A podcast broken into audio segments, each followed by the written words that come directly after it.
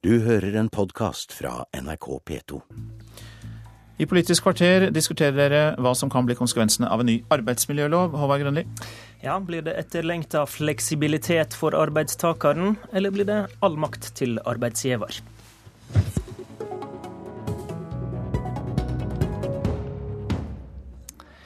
I regjeringsforhandlingene kommer det til å bli laga ny arbeidslivspolitikk. Men hvor mange som til slutt blir med i de forhandlingene, vet vi ennå ikke. Eh, og vi skal snakke litt om det først. Politisk reporter Lars Nehru Sand, du følger Nydalen-samtalene for NRK radio. Når må KrF og Venstre svare Erna Solberg på om de vil gå i formelle regjeringsforhandlinger eller ikke? Mot slutten av neste uke så vil de fire partiene snakke seg ferdig om eh, de fleste av de ulike politiske sakene. og Da er man nærmere en avklaring på den berømte politiske helheten de snakker så mye om. Og Da vil det også være naturlig at, eh, at eh, partiene forankrer dette foreløpige resultatet, ikke minst ja eller nei til videre forhandlinger. Det sier i hvert fall flere av de jeg snakker med som, som følger denne prosessen fra innsida. Og så er det jo, Dette er ingen uttalt fas, eh, nei, frist, selvfølgelig, men for å stresse de partiene. Men det er en naturlig konsekvens av at det er begrensa hvor lenge sånne samtaler kun kan kalles innledende. Det er fire parter rundt eh, det de har kalt sonderingsbordet nå, da. Men det er mest spenning knytt til hva KrF og Venstre gjør. Hvorfor det? Det er det de to partiene selv som har bidratt til, først og fremst å føre en valgkamp hvor de har sagt at et regjeringssamarbeid med Frp er lite sannsynlig. og KrF har jo til og med et, lands, eh, altså et landsmøtevedtak hvor begrepet 'lite sannsynlig' er sentralt.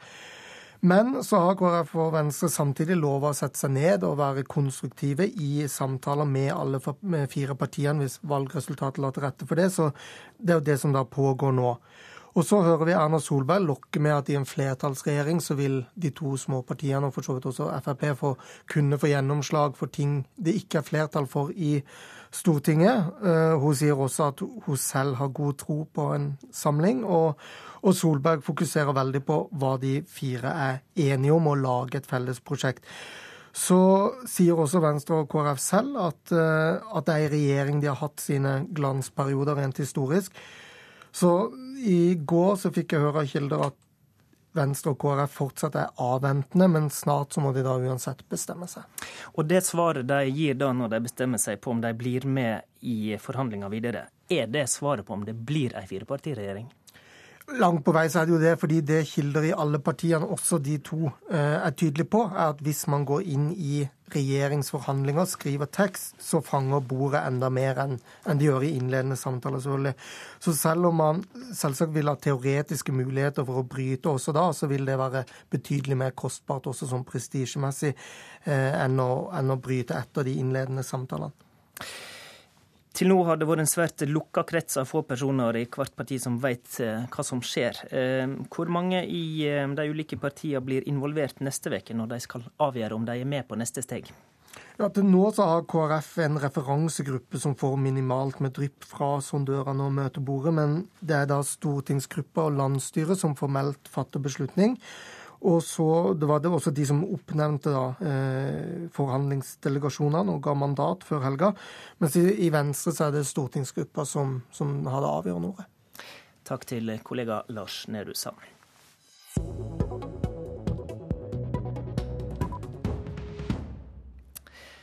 Og de fire som um, sonderer, de får nå mengder med kravlister i innboksen.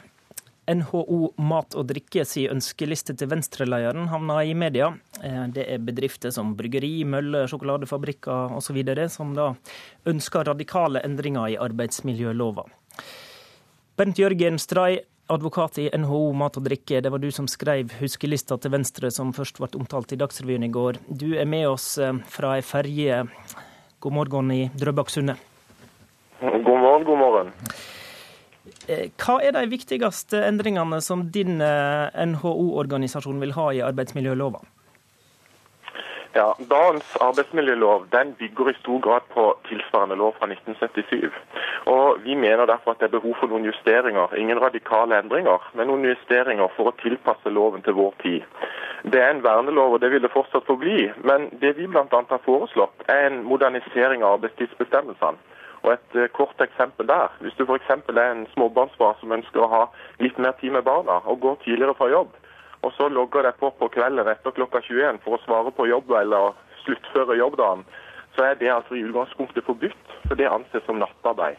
Så det skal du ikke få lov til. Men i dykkerbedrifter så er det jo gjerne fabrikkarbeidere på syltetøyfabrikken f.eks. De har vel ikke det behovet?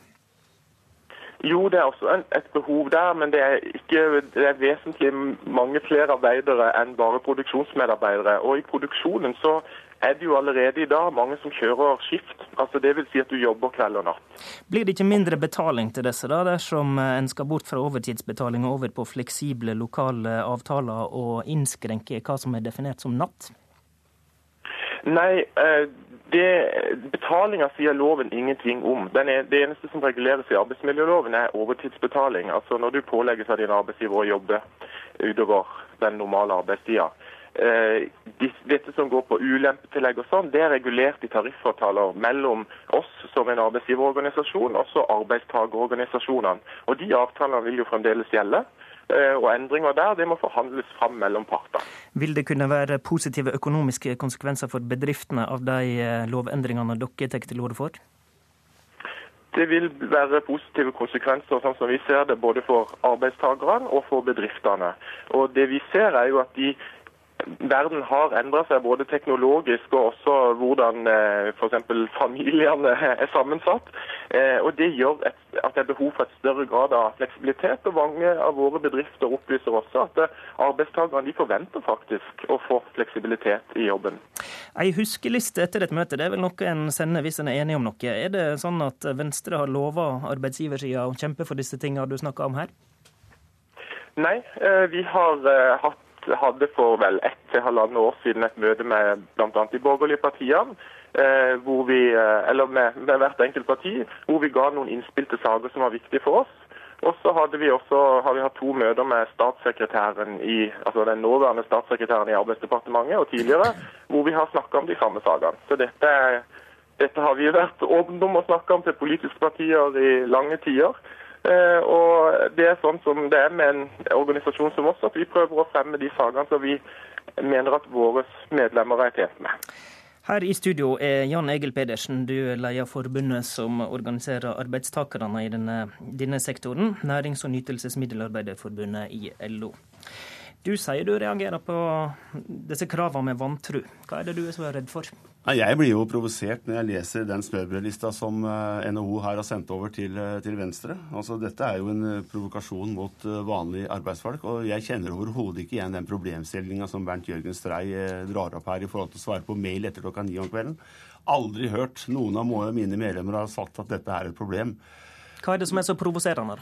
Altså Fleksible eh, arbeidsgivere sånn som det er beskrevet her, betyr eh, da mindre lønn til de ansatte. Og Et av forslagene her kan jeg se også går ut på det at de skal kunne avtale direkte med den enkelte ansatte over eh, hvordan de skal jobbe.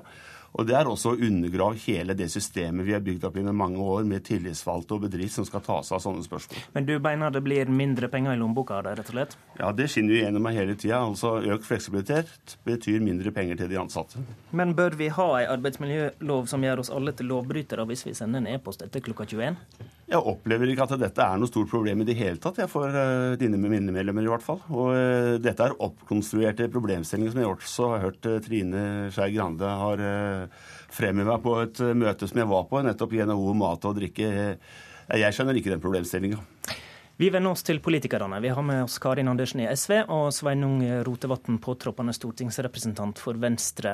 Eh, Rotevatn, du hører arbeidstakersida sin skepsis. Er det et mål for Venstre å få gjennom eh, flere av kravene som NHO Mat og Drikke ønsker? Det var det første at Nå skal vi ta og komme oss litt ned på jorda og senke skuldrene. Eh, det som har vært saken på NRK nå, er en innspill vi har fått fra NHO. De sender oss innspill på lik linje med mange andre organisasjoner, eksempelvis også LO. LO sendte innspill i går om å begynne å bore i Lofoten, Vesterålen og Senja. Det er en dårlig idé. Og vi lurer, og vi på, hva dere, og vi lurer på hva dere vil. Ja, Når det gjelder den lista som NHO har sendt over ting de syns er lurt å gjøre, så er jo vi enig i noen av punkter, og noen av punktene er vi uenige i. Det er ingen hemmeligheter her. Venstre har foreslått um, det vi er enige i på Stortinget.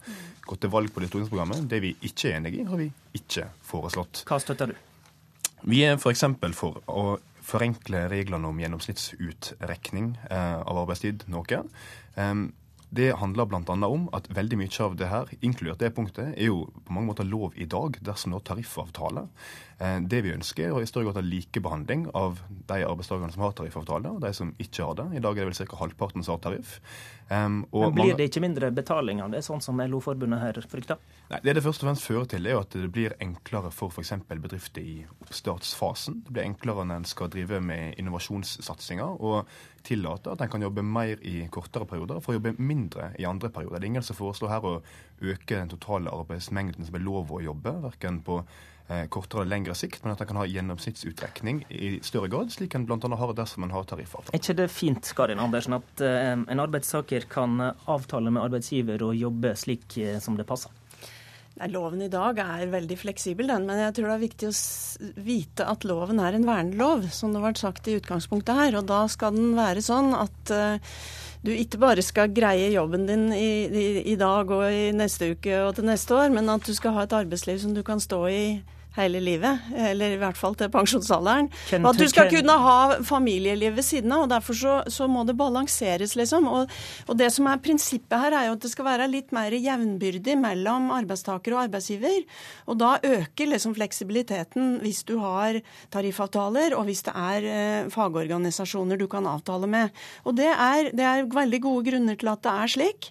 Uh, og jeg, jeg, hører jo liksom at de pakker inn disse forslagene sine nå i sånn oppmyking og fleksibilisering og bruker slike ord. Det, det, det går ut på, er at man skal svekke vernet av arbeidstaker, og at arbeidstaker og at lønningene egentlig skal presses ned. Det er det Rot dette går ut på. Rotevatn til det.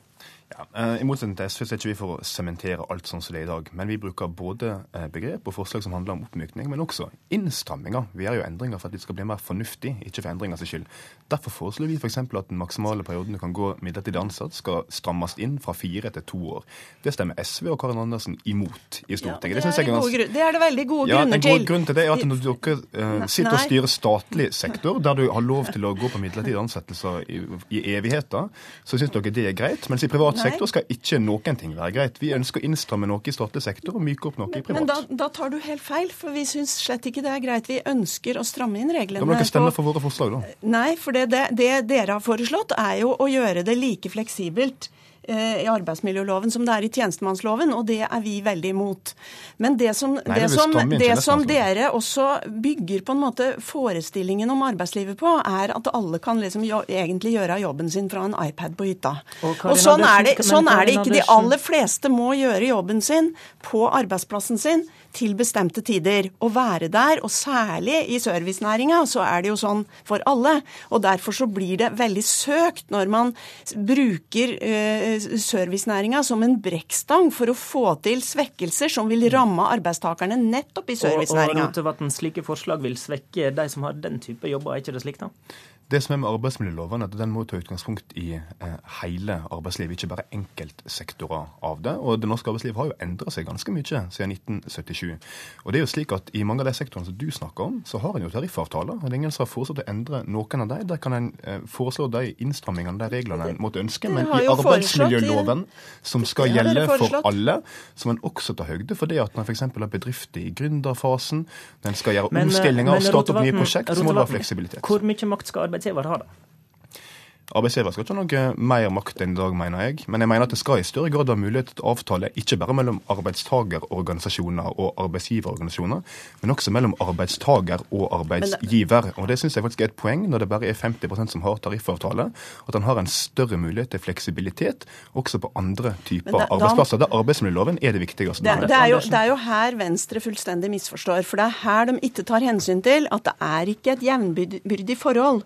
Derfor så gir vi større fleksibilitet når det er tariffavtale og når det er fagorganisering. Så det man må jobbe for, er jo da at flere blir fagorganisert. For da øker muligheten til å gjøre andre avtaler enn det man eh, kan gjøre én og én. For dette handler jo om at når du står aleine, så blir du veldig lett pressa. Og særlig hvis du da liksom skal få ansvaret for at denne her bedriften skal gå. Da veit vi at folk blir pressa, og de blir pressa mye mer enn det helsa holder. Og det er noe som heter honningfella òg, og den har mange gått i og blitt sjuke. Og etterpå så sitter vi da og diskuterer hvorfor så mange blir sjukmeldte. Jeg synes det er greit at det er en del fleksibilitet for de som har tariffavtale, men jeg syns også det skal kunne være mulighet til fleksibilitet for andre, som er en stadig større del av arbeidslivet vårt. Der må vi også ta høyde for i arbeidsmiljøloven. Og Da kan en ikke på automatikk være mot alle forslag til både oppmykninger og innstramminger, slik SV er, som er tilpassingen til et moderne arbeidsliv. Det foreslår Venstre, og det jobber vi for i regjeringsforhandlinger. Og det som er sikkert, er at det kommer en eh, ny arbeidsmiljøpolitikk etter hvert. Det var Politisk kvarter. I studio, Håvard Grønli. Du har hørt en podkast fra NRK P2.